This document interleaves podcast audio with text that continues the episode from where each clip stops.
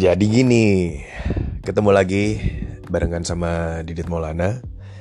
Sore ini gue mau um, membahas tentang masalah dating apps. Nah, coba jujur deh, dari kalian yang dengerin berapa banyak yang pakai aplikasi uh, dating apps atau matchmaking apps? Intinya adalah apps uh, untuk ketemu sama calon pasangan hidup. Atau kalau keberatan ya calon gebetan kali ya.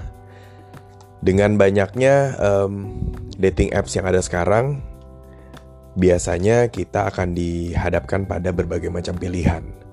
Dan gue juga ngerasain gitu karena gue juga pakai dating apps ada beberapa dan um, yang ada di situ akhirnya um, gue jadi ngerasa ya kenapa sekarang ini orang jadi dihadapkan pada pilihan dan memilih orang itu jadi seperti milih menu makanan.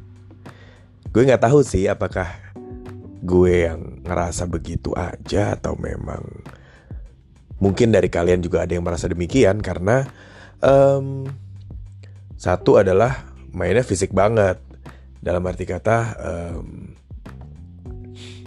apa ya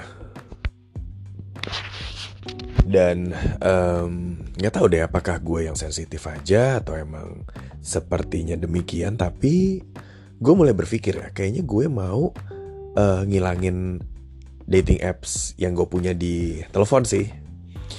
To be honest, dari berapa orang yang match, gue akhirnya ketemu dengan beberapa orang yang um, pada akhirnya kita ada yang jadi teman, ada yang kemudian nggak jadi hubungan gitu ya. Tapi di situ adalah ketika um, gue di reject atau ditolak gitu ya. Ada satu perasaan yang kayaknya bukannya malah bikin hati seneng tapi malah bikin kok jadi makin sedih ya gitu karena um, mungkin adalah yang gue tarik ketika itu adalah orang-orang yang menurut gue bisa memenuhi um, figur dari apa yang gue cari gitu. Nah kalau boleh dibilang misalnya gini kemarin gue nyari figur orang yang cinta sama gue, yang bisa bikin uh, gue jadi happy, yang sayang sama keluarga gue, yang kemudian bisa bikin um, gue merasa secure, terus merasa gue bisa merasa aman gitu. Nah beberapa minggu lalu gue sempat ikut uh, meditasi dan uh, di meditasi tersebut ada tim leader gue gitu.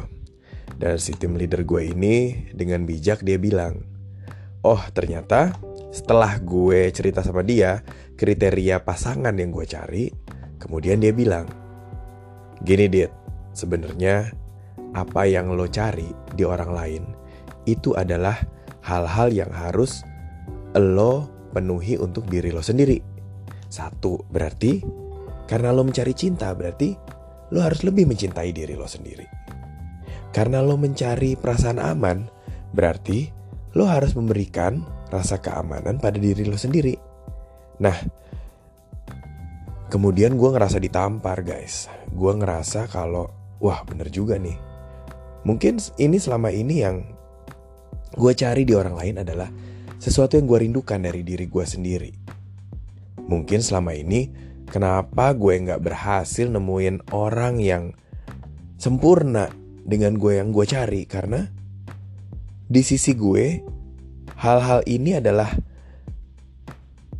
hal yang gue rindukan untuk gue hadirkan di diri gue sendiri akan menjadi masuk akal karena dulu nih tahun lalu awal-awal tahun tahun lalu gue sempat deket sama beberapa orang dan gue menarik hal yang apa ya sepertinya adalah hal yang uh, sifat yang gue punya juga gitu loh yang terrefleksi lewat orang lain.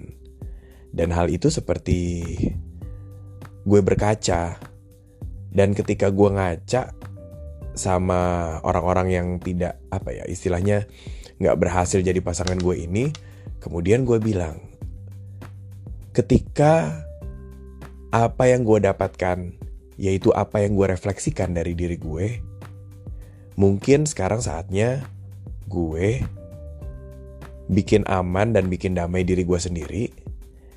Kemudian gue memberikan cinta yang cukup untuk diri gue sendiri. Sehingga gue bisa merefleksikan pasangan yang selama ini gue cari. Sekarang orang pada bilang, love yourself. Utamakan diri kamu sendiri. Utamakan diri kamu dulu sebelum kamu mencari yang lain. Buat saya, ini adalah satu terminologi yang kayaknya memang pas banget. Jadi sebelum mencari orang lain, sebelum mencari kriteria pasangan yang pengen gue dapetin dari pasangan uh, calon pasangan gue, hal inilah yang harus gue benahi dengan diri gue sendiri. Jadi sekarang I'm erasing my dating apps dan gue mau coba fokus pada diri gue, mencintai diri gue sendiri, kemudian berteman dengan banyak orang tanpa ekspektasi sehingga suatu hari nanti mungkin minggu depan, mungkin bulan depan, atau mungkin besok gue bisa ketemu sama dia. Mudah-mudahan kalian yang dengerin yang udah punya pacar, yang belum punya pacar, semua bisa happy ya dengerinnya. Dan ketemu lagi di episode Jadi Gini by Didit Maulana di kesempatan selanjutnya. Bye and love you.